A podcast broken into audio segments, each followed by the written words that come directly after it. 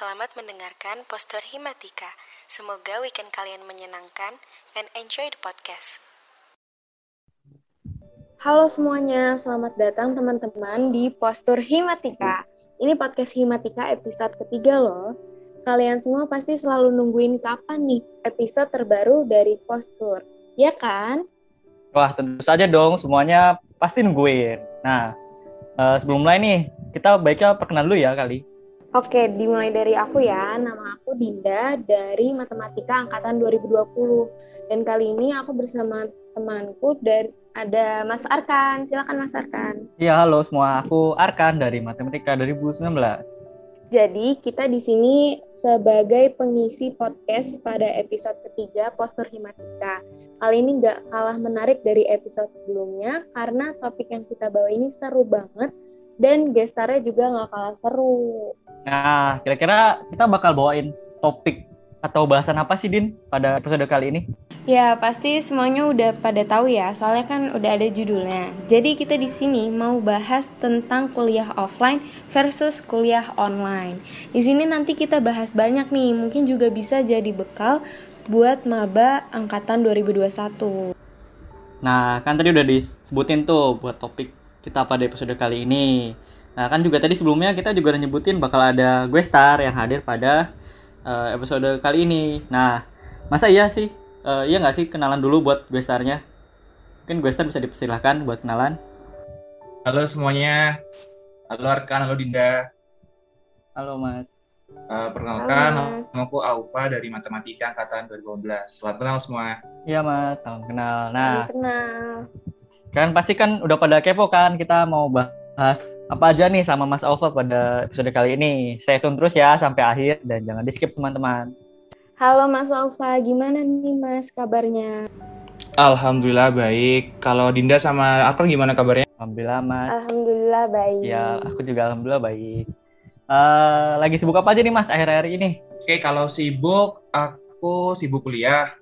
Terus ini kan mau masuk semester 7 ya, jadi udah persiapan proposal skripsi, nentuin topik, terus nanti juga bakal ada aku alhamdulillah kemarin keterima uh, magang kampus Merdeka di Bank BRI Pusat jadi data engineer. Nanti mulai tanggal 23 magangnya sampai Februari, jadi enam bulan. Terus kalau kepanitiaan sama organisasi aku udah pensiun ya dari IMA, jadi sekarang aku yeah. cuma jadi staff kewirausahaan di salah satu komunitas penerima beasiswa dari Bank Indonesia.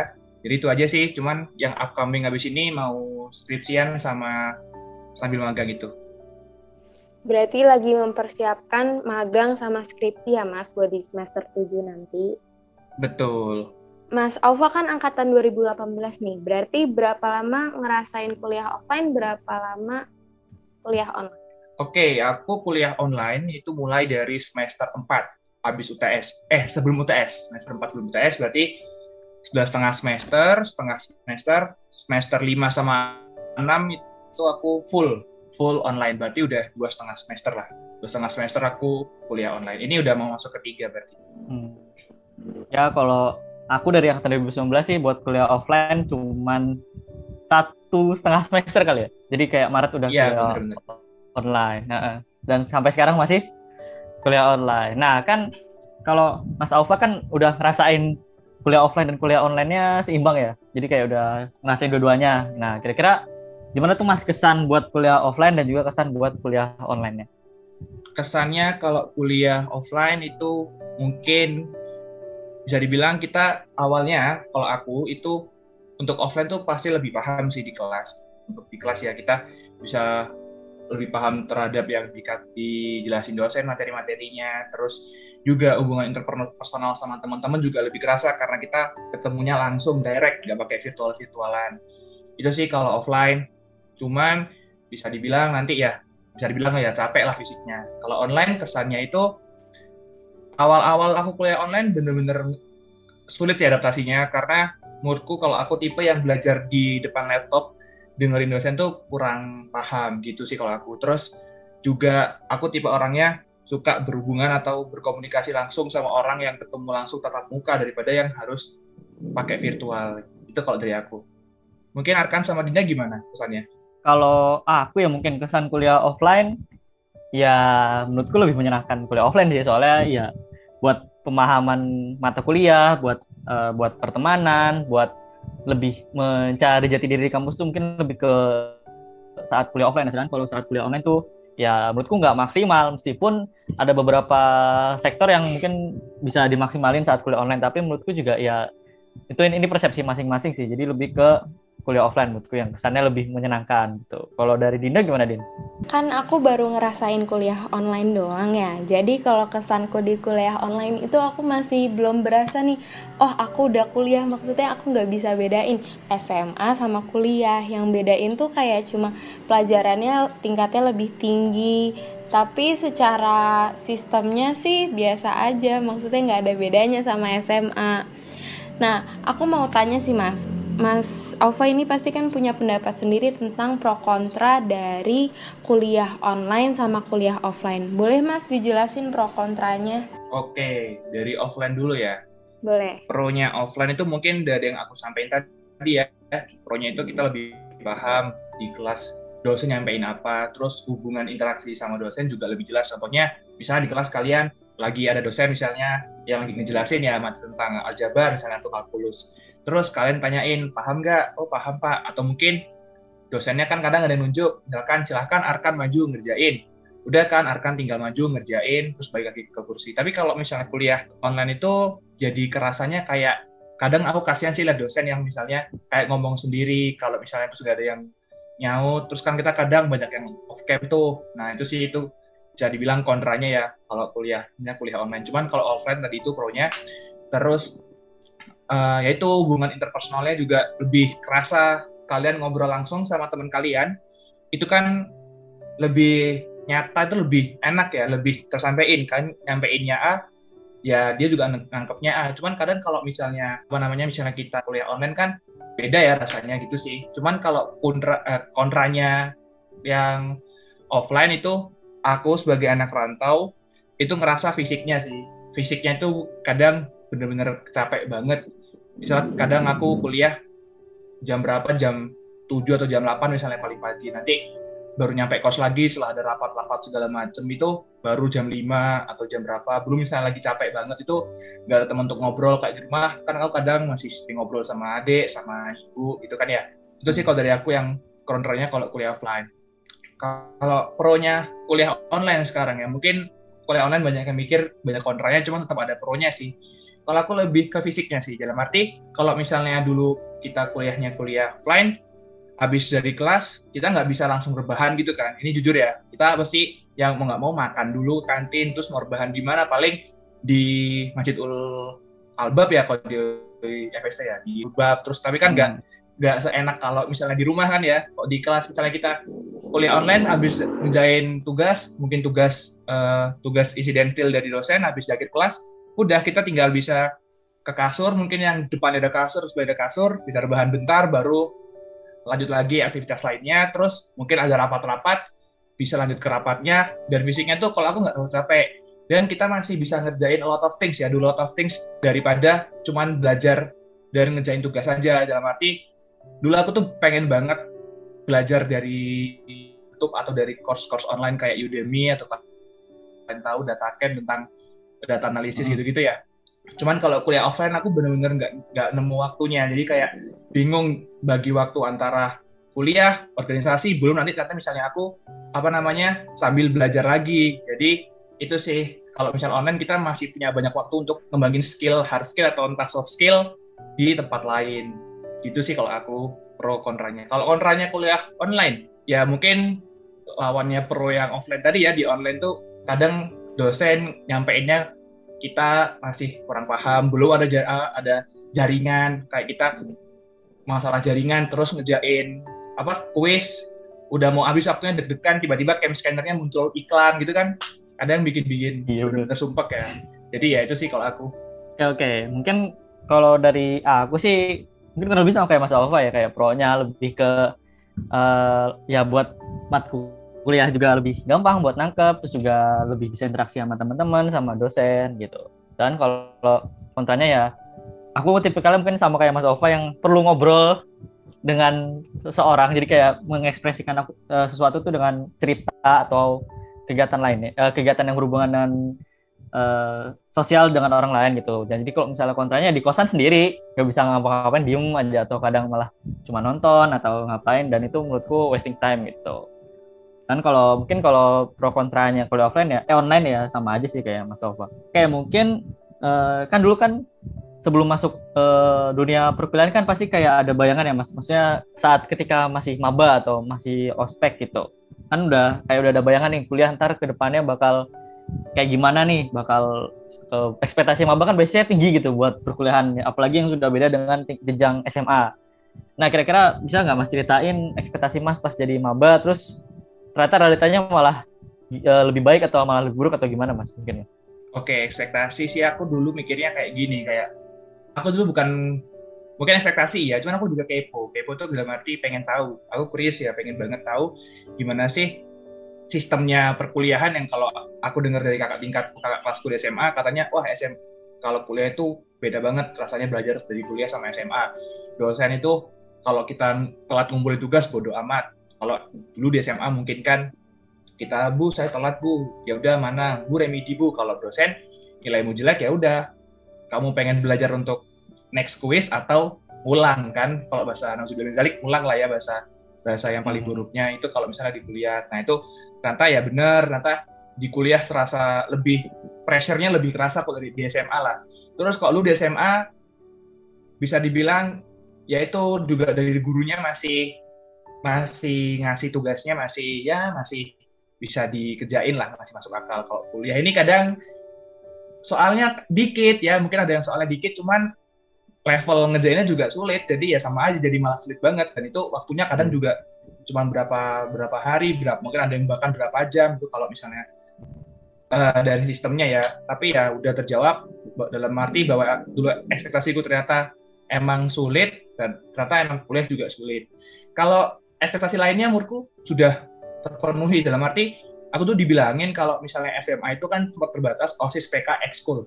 Sama mungkin proker-proker dari eh, OSISnya ya kayak mungkin pentas seni atau uh, olimpiade olahraga dan segala macam. Nah, kalau di kalau di kuliah ini kan katanya banyak tempat untuk berkembang, nggak cuma di mungkin ada yang kayak aku di Hima, terus ada yang lain dia pengen berkembangnya di BEM universitas daripada di Hima atau mungkin di BEM fakultas, ada yang pengen kayak gitu kan, nah itu terserah, dalam arti kita bebas tinggal milih. Nah kalau aku sendiri selama ini aku milih tempatnya itu di Hima, di Hima sama aku juga dapat beasiswa kemarin dari Bank Indonesia, jadi aku punya tempat berkembang lain nih. Ternyata di luar Hima ternyata nggak cuma Hima doang nih, ternyata punya tempat berkembang lain ya di komunitas itu. Nah itu menurutku juga memenuhi ekspektasi sih. Jadi kita banyak banget tempat berkembang dan expand the relation lah. Jadi relasi kita tuh lebih luas lagi daripada yang cuma di OSIS PK atau gimana. Jadi kita punya banyak teman across the university gitu sih kalau aku. Berarti emang Mas Alfa ini sebenarnya udah ada gambaran dari SMA kalau kuliah itu bisa uh, ke mana aja, bisa ke BEM, bisa ke HIMA, terus bisa bikin pertemanan di seluruh universitas gitu ya, Mas? Iya, betul. Nah, Mas ngomongin momen-momen nih, ada yang nggak sih Mas? Momen yang kayak uh, nggak bakal dilupain selama pas kuliah offline dan pas kuliah online? Ada nggak sih, Mas? Mungkin kuliah offline dulu momen yang nggak dilupain. Kalau kuliah offline ya itu sebenarnya momen-momen kecil-kecil tapi sering terjadi sih. Kayak misalnya ya aku jujur jangan dicontoh ya bagi yang mendengarkan podcastnya. Aku kadang kan juga bangun itu sering mepet jam ya. Aku malah sering datang nggak terlambat tuh kalau jam paling pagi karena sekalian mungkin sekalian sholat subuh terus siap-siap mandi terus berangkat ya kalau jam tujuh kan kalau misalnya kelasnya itu jam udah yang jam 11, jam 9 itu kadang aku habis subuhan kan bablas tidur lagi. Nah itu aku sering kalau misalnya ke kampus itu per, bukan sering sih pernah beberapa kali aku kampus itu bisa dibilang nggak mandi. Ya ini mungkin banyak lah ya bukan aku doang yang udah pernah kuliah offline itu ya itu kadang kita mikir kayak aku dulu di SMA anti banget nggak mandi. Aku SMA harus tampil cool harus tampil kece. Tapi di malah pas kuliah aku beberapa kali nggak mandi. Terus juga ya tugas itu ada yang tugas aku pernah dikasih jam berapa sore uh, jam sekitar jam ke 9 10 cuma dikumpulkannya malam itu juga. Dan itu kan di kuliah offline itu benar-benar belum tanpa ada rapat dan segala macam. Ya itu sih yang unforgettable momennya dan mungkin kayak hal-hal kecil aku pernah bannya gembos pas pulang ospek awal-awal di Surabaya itu kan offline aku pertama kali apa merantau ke Surabaya ke kota orang nggak tahu siapa-siapa nggak punya siapa-siapa masih ospek belum punya teman jurusan tiba-tiba banku gembos terus dompetku hilang nah itu kan juga unforgettable moment kan ya jadi itu sih kalau kuliah offline. Kalau kuliah online, jujur paling aku pernah dulu mau nge-scan nge-scan uh, kuis. Kalau dulu kan kita kuis kalau offline selesai tinggal maju ke depan, keluar kelas selesai. Kalau online kan kita harus nge-scan dulu, belum ternyata waktunya mepet. Aku dulu pernah bener-bener mepet banget waktunya. Pas lagi mau nge-scan tiba-tiba itu karena aku nggak pro ya, cam scannernya tiba-tiba muncul iklan. Itu udah bolak-balik muncul iklan, terus akhirnya pernah juga aku salah ngupload udah tenang ternyata pas lihat loh yang upload bukan UTS malah kuis satu akhirnya ngulang lagi ngupload lagi waktu tinggal tiga detik itu sih kalau online tapi kalau yang lebih unforgettable tuh yang pas offline jelas oke okay. mungkin kalau ini sharing-sharing juga ya mungkin dari aku Boleh. yang sempat ngerasain kuliah offline dan online juga mungkin kalau dari aku buat unforgettable momennya ketika kuliah offline tuh aku pernah sekali telat mengumpulkan tugas dan sehingga itu matkulnya 4 SKS mungkin kalau yang udah mengalaminya uh, mengalami matkul di salah satu semester mungkin enggak ini matkul apa nah itu 4, 4 SKS dan itu ketika aku telat mengumpulkan itu tuh ya sakit hati banget sih soalnya kayak nilainya agak langsung turun karena Masa ya, ya itu kan SKS ya? tetap pengaruh ya iya 4 SKS tetap pengaruh gitu. Dan juga padahal itu cuma telat tinggal menit dan itu lari-larian ke departemen. Kalau kalian tahu kalau kalian mungkin ke pernah ke FSC ada departemen matematika di situ. Nah itu biasa tempat buat ngumpulin tugasnya. Dan di situ telat sehingga nggak nggak diterima meskipun cuma telat sebentar. Sedangkan kalau saat kuliah online sepertinya aku selalu berhubungan dengan masalah ketelatan mengumpulkan tugas ya dan ketika kuliah online itu kemarin baru semester kemarin semester 4 itu aku uh, telat ngumpulin di aula kalau mungkin uh, kayak buat sistem e-learningnya UNER nah itu buat salah satu matkul dan nggak mengumpulkan sehingga harus nge PC ke dosennya. Nah, sakit hati di situ dosennya itu tidak nanggepin dan di situ aku realize bahwa lebih sakit tidak ditanggepin dosen daripada tidak ditanggepin pacar. Oke. Okay. Oh, punya kayak punya, gitu. Enggak, enggak, enggak. Itu hanya bercanda. Oh, hanya bercanda. bercanda. Oke, okay, ya, ya. mungkin kalau dari Dinda gimana, Din? Mungkin kalau kuliah online-nya gitu. Kuliah online mungkin aku jadi inget waktu itu aku ngumpulin itu aku ngerjain 15 menit setelahnya itu aku baru selesai. Sedangkan aku harus nge-scan yang berhalaman-halaman itu. Habis itu akhirnya kekumpul 15 detik sebelum waktunya. Jadi sebenarnya masih selamat tapi nggak apa-apa lah. Itu oh. tegang sih, itu tegang banget. Naik turun itu pressure itu. Asa kok kerasa. Aku pernah kok kurang 3 detik kok nggak salah. Wah. Itu udah jantung udah mau di ujung. Apalagi kalau udah buat UTS yang porsinya gede wah itu sangat panik sih biasanya. Nah, kalau aku sih kalau misalnya UTS yang porsinya gede gitu, misalnya udah emang no hope ya kayak mau ditungguin juga kertasnya bakal kosong gitu kan percuma juga. Aku mending ngumpulin kayak sebelum waktunya sih. Kalau saranku ya misalnya kalian UTS jangan terlalu mepet kalau aku. Jadi mending spare time-nya agak agak banyak aja. Soalnya itu benar kata Arkan, UTS waktu itu porsinya banyak banget kan ya daripada ya, yang kuis-kuisnya. Ya, Berarti nah, daripada mungkin... telat ngumpulin ya, Mas. Betul. Hmm. Kalau telat ngumpulin, soalnya biasanya dosen udah nggak menerima. Berarti kan kalian punya kesempatan malah bisa aja dikasih nol kan. Tapi kalau kalian mungkin kumpulin masih ada waktu satu menit dua menit, walaupun belum selesai ya atau ada yang kosong, kan yang sisanya yang masih kita kerjain, yang udah kita kerjain masih bisa dinilai. Itu sih kalau aku mikirnya prinsipnya. Nah itu tuh mungkin pesan buat semester depan nih, buat teman-teman semester 1, 3, 5, oh, iya. 7. Tapi saran sarannya sih bisa kerjain semua dan semua. iya, benar. amin, amin. Amin. Nah, kan uh, sebelumnya aku mau jelasin sedikit. Mungkin Mas Ova ini kan dulu pas ketika masih tingkat 2 atau semester 4 itu kan uh, aktif banget organisasi ya. ya. Dia itu merupakan salah satu kadif di bidang himatika. Kadifku juga kebetulan dan juga aktif di kepanitiaan pernah jadi koorwilnya Malang buat Matenoji Competition di tahun 2019. Nah, kan Mas Alfa berarti sempat mengalami kepanitiaan dan kepengurusan di kala on offline ya, offline dan online. Nah, kira-kira bisa dong kasih tahu ke teman-teman nih Mas perbedaannya kepengurusan dan kepanitiaan ketika offline dan online? Kalau misalnya offline itu murku tuh lebih dikit miskomunikasinya atau salah mungkin miskomunikasi atau misunderstanding ya kayak salah paham atau mungkin kita bisa bilang nggak nyambung lah. Nah itu di, lebih dikit dan kalau misalnya emang ada perbedaan pendapat itu lebih kerasa gitu rasanya. Kayak feel kan kadang kita nyari feel feel panitiaan itu kan ya di mana momen kita berbeda pendapat terus akhirnya nemuin satu titik gitu kan. Itu kan kayak kerasa banget enaknya kan. Terus juga nanti misalnya kita ada pressure-nya juga lebih kerasa kalau misalnya itu pas offline. Contoh aku dulu juga pernah jadi si acara pemaba itu bener-bener kayak kerasa banget pressure-nya kayak hamin berapa berapa jam pemabanya akan ya berarti kan ya 2019 ya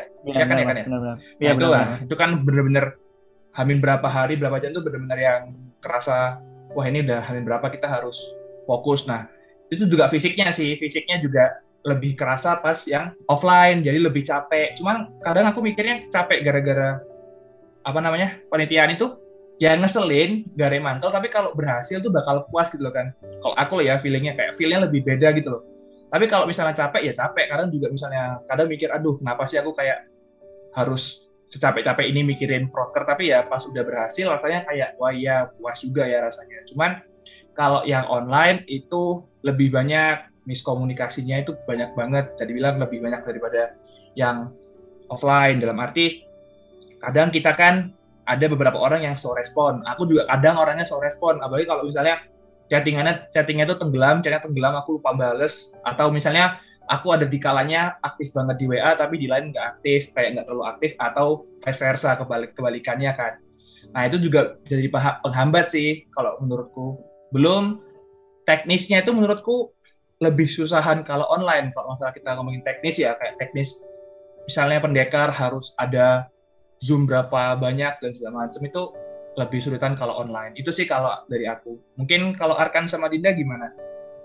Hmm, Oke, okay, mungkin aku dulu ya. Mungkin yang juga udah pernah ngerasain kuliah off, eh kementerian dan pengurusan offline walaupun sebentar gitu ya. Mungkin dari aku ketika uh, sempat ngerasain dua bulan buat ke, ke pengurusan dan kepenelitian offline, mungkin ini sih apa ya nggak terlalu berasa ya mungkin ya. Tapi setidaknya udah pernah dapat momen bahwa oh gitu loh, apa gini loh penelitian ketika offline dan kepengurusan ketika offline gitu. Jadi tetap menurutku plusnya sih ini sih apa ya keluarganya lebih dapat jadi nggak nggak nggak loss aja gitu maksudnya nggak tetap betul, jadi betul. dari kabitnya dari kadifnya dari kahimanya tetap apa ya merangkul berusaha merangkul dan juga berusaha sering ngobrol ketemu kayak tetap sapa-sapaan gitu dan kalau di penelitian juga lebih terkontrol buat uh, sistematika dari suatu kementerian itu gitu nah sedangkan kalau misalnya ketika kepengurusan dan kepanitiaan online itu mungkin kayak ini aku ngambil dari sisi positif aja sih. Mungkin kalau dari Mas Alfa kan tadi udah jelasin kayak, oh mungkin gambarannya seperti ini ketika kepentingan dan kepengurusan online. Kalau dari aku mungkin sisi positifnya, ambillah contoh kayak Mas Alfa maba. Nah di situ kita bisa belajar skill baru, misalnya ketika menyesuaikan dengan keadaan online, kayak skill dalam menggunakan Zoom, skill ketika berbicara di Zoom, skill ketika misalnya ada teman yang uh, diem aja gitu, gak, gak nanggepin ketika ditanya, itu juga apa ya, belajar juga sih di saat kepengurusan dan kepenelitian online itu. Nah, mungkin kalau Dinda gimana, Din? Kalau aku kan baru ngerasain online ya, offline-nya belum. Kalau aku sendiri kalau online-nya itu uh, lebih mudah sih. Aku ngebayanginnya itu pasti lebih mudah, apalagi banyak acara-acara.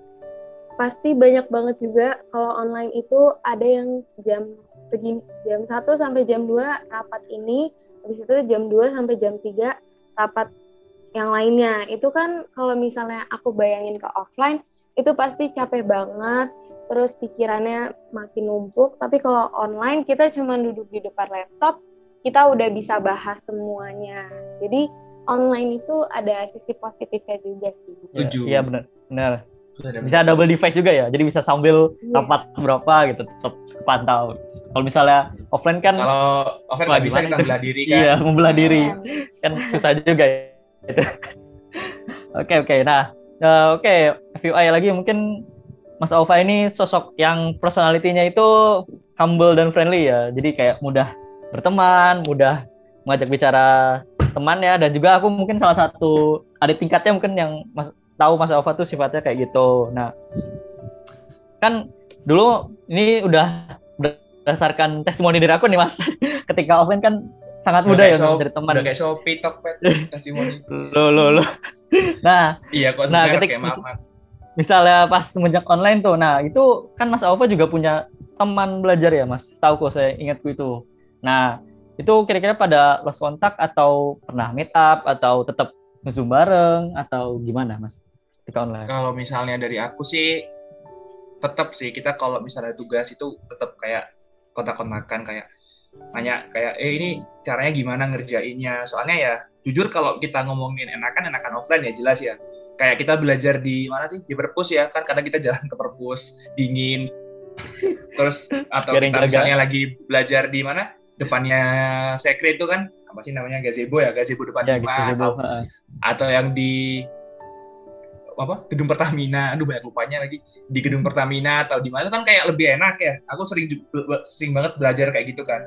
Cuman kalau misalnya online ini ya terbatas terbatas terbatas ya keadaan. Jadi kita mau nggak mau ya kadang misalnya zoom pun tuh mungkin ada yang nggak ikut. Jadi kita paling cuma apa kayak chatting-chattingan sih. Kayak ini gimana cara ngerjainnya. Terus tapi tetap kalau aku tipe orangnya yang mau harus keep in touch sama uh, teman-temanku pas di kuliah. Jadi aku kadang misalnya ada yang uh, apa namanya aku kerasa oh aku udah lama nih nggak chattingan sama ini. Ya aku chattingan sekedar nanya kamu gimana kabarnya? Sekarang ngapain aja? Terus bla bla bla. Nah itu ya tetap harus keep in touch sih. Dan kayak kemarin tiba-tiba kan bukan tiba-tiba juga sih kayak temenku tuh ada yang tunangan kan teman belajarku. Yeah.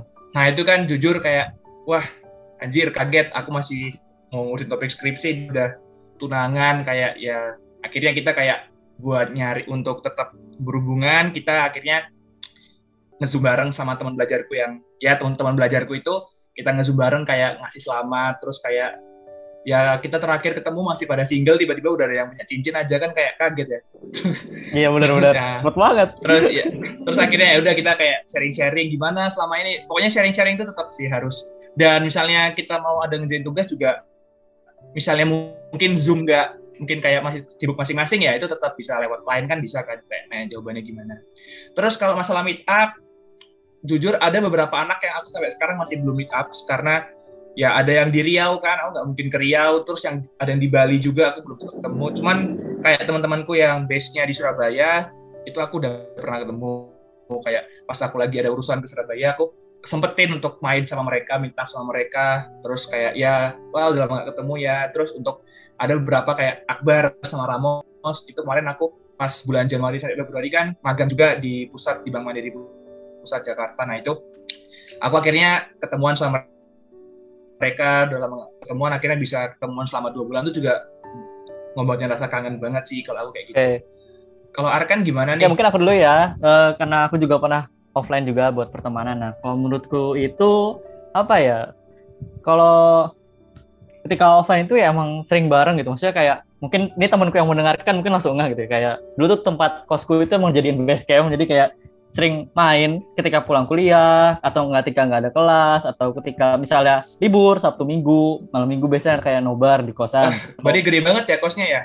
Oh tidak dong, itu karena emang kayak udah nyaman dari awal oh. maba sampai menjelang uh, pandemi itu sempat jadi tempat base camp kayak gitu. Nah, oh, iya.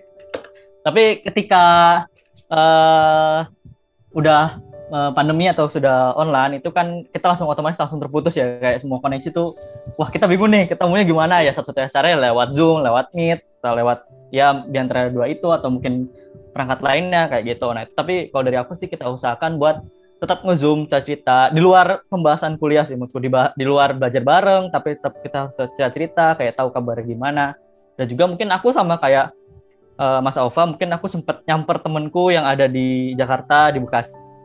Itu nyamper terus kayak man sempat aku ke Surabaya sebenarnya. Tujuannya kayak cuman uh, kangen nih aku ketemu teman-teman aku. Mungkin kayak ada beberapa anak yang mungkin kalau dengerin ini juga oh iya nih ini akan ketemu ketemu aku nih gitu. Nah itu kemarin sempat ketemu di Surabaya dan itu menurutku apa ya cukup apa ya kangen gitu meskipun sebelumnya kayak pas ketika offline tuh kayak biasa aja gitu kayak hey say hi gitu ketemu tiap hari tapi ketika udah nggak ketemu setahun itu tuh pas kemarin ketemu di salah satu kafe di Surabaya tuh kayak oh iya gitu ini loh ini tetap teman aku ini loh meskipun kita uh, terbatas jarak tapi ketika disamper tuh itu feelnya bakal apa ya berbeda banget dengan ketika masih kuliah offline kayak gitu. Nah mungkin kalau Dinda gimana Didin? Wah terharu banget oh. ini mungkin temannya Arken denger sampai nangis-nangis mungkin. Iya mungkin mungkin kalau yang Wah. dengar dan enggak ya mungkin bisa. Ya bisa. Oh iya di bangga di punya teman Arkan di. ya kirim pesannya ke bawah ini PO Box silakan. Iya iya. SMS-nya. Tapi aku tidak tidak menyebut anaknya lah mungkin takutnya enggak disebut namanya. Oke mungkin Dinda silakan.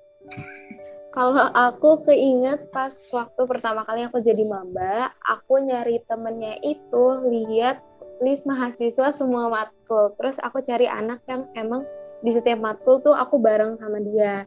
Nah dari situ aku ngajak uh, ngajak kenalan dia. Pokoknya so akrab aja.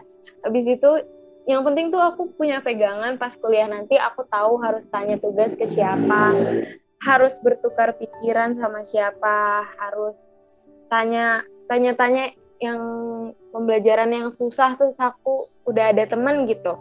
Nanti kalau pertemanannya itu lama-lama menurutku bakal luas sendiri sih apalagi ada organisasi terus nanti ada kepanitiaan abis itu nanti juga uh, teman-teman angkatan pasti kan ngadain zoom terus nanti makin deket sama teman-teman angkatan gitu sih.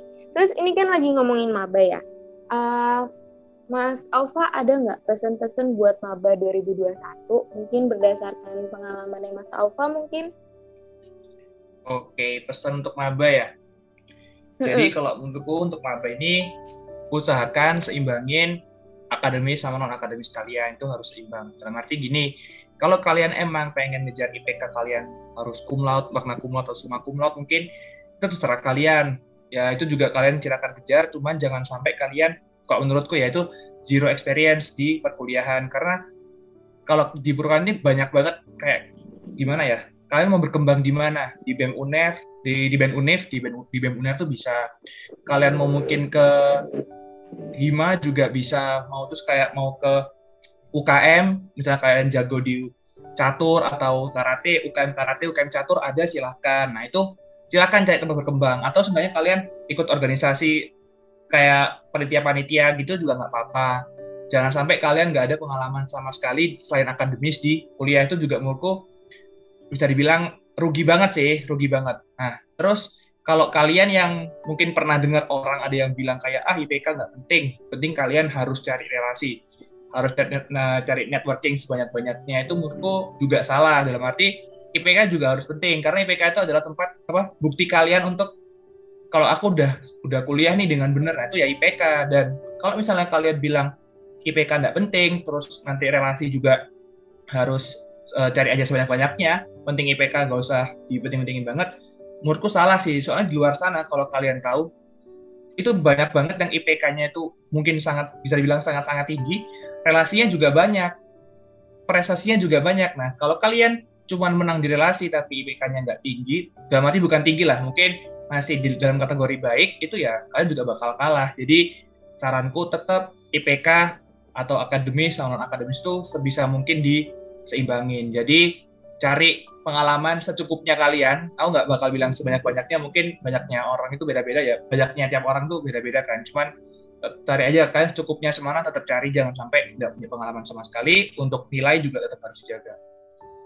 Oke, intinya harus ngebalance antara uh, akademik dan juga di soft skill dan hard skill ya. Jadi kayak hard skill itu akademik IPK, Betul. soft skill itu uh, teman. Karena ya aku setuju sih dengan Mas Alfa. Maksudnya kalau IPK itu ya tanpa IPK dengan relasi aja ya kita juga nggak bisa menghadapi dunia ke depannya. Sedangkan kalau hanya IPK saja dan tanpa relasi ya nggak akan ngebantu kita buat masuk hmm, misalnya ke salah satu pekerjaan atau lanjut ke S2 kayak yeah. gitu sehingga kita tetap memerlukan relasi di mana pun gitu. Iya nah, itu bener. Jadi relasi itu penting banget ya mungkin untuk maba cari relasi sebanyak-banyaknya. Ini kayak si siapa Adinda tadi kayak dia berani SKSD buat nyari temennya di list mahasiswa itu aku nggak nggak kepikiran sih maksudku dalam arti wah ini berarti dia bisa mikir kayak gitu hebat Adinda. Oke, mantap, hmm. hebat Adinda. Oke, nah kan ini Mas, bentar lagi kan kita udah masuk semester ganjil 2122 ya, udah masuk semester baru. Tanggal nah, berapa sih aku lupa? Tanggal 6 kalau nggak salah, tanggal 6 September. September. Ya, tanggal 6 September. Nah. Oke, oke. Oke. Nah, setelah itu masuk semester baru ya, seperti tadi yang udah aku bilang, semester ganjil. Nah, Kira-kira buat Mas Alfa sendiri nih maunya offline atau online? Atau hybrid nih Mas?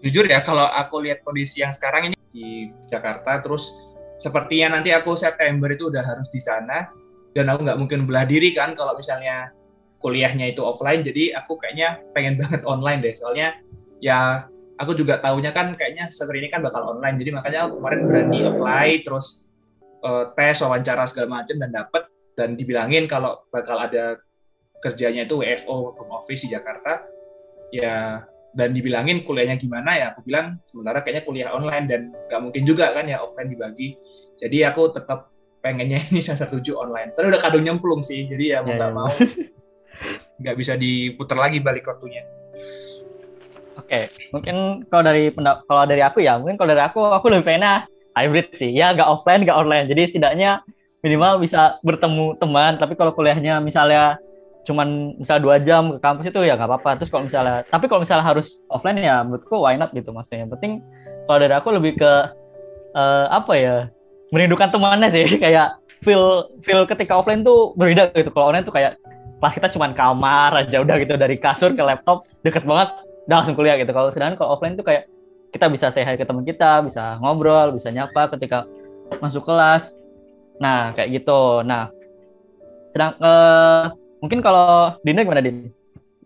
Kalau aku karena aku belum pernah nyoba offline, jadi aku pasti pilih offline biar ketemu sama teman-teman, ngerasain kuliah beneran itu kayak gimana, terus ngerasain kepanitiaan, kepengurusan beneran di dunia nyata itu kayak gimana gitu sih. Tapi apa pun nanti keputusannya, yang penting terbaik buat kita semua. Semoga kita semua tuh diberi kesehatan, kuliahnya lancar, terus magangnya Mas Alfa juga diberi kelancaran.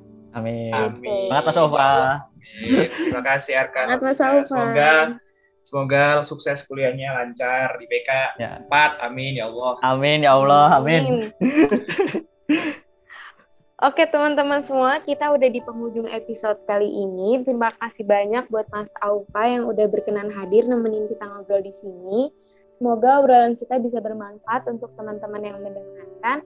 Dan buat teman-teman semua, selamat liburan, selamat menikmati waktu istirahatnya. Dan untuk mahasiswa baru, semangat nanti masuk ke dunia perkuliahan. Hey, semangat juga buat Mas Aufa yang sudah mengambil proposal skripsi ya Mas? Sudah sudah tingkat empat nih jadi udah doain. persiapan doain, buat ya Allah, menyusun amin. skripsinya kita doakan buat Mas Alfa dan teman-teman yang akan 2019 hingga bisa lulus tepat waktu di tahun 2022 ya amin Mas amin ya Allah amin. oke nah karena kita selesai ngobrol sama Mas Alfa sudah selesai maka ditunggu ya buat episode selanjutnya dari podcast tematika yang bakal lebih menarik lagi daripada topik kita kali ini. Jadi terima kasih semua untuk teman-teman yang udah stay tune dan mendengarkan sampai akhir. Dan see you later. Sampai jumpa. Dadah. Terima kasih. Dadah. Dadah. Terima kasih banyak Mas Alfa. Terima kasih sudah mendengarkan poster Himatika di episode kali ini.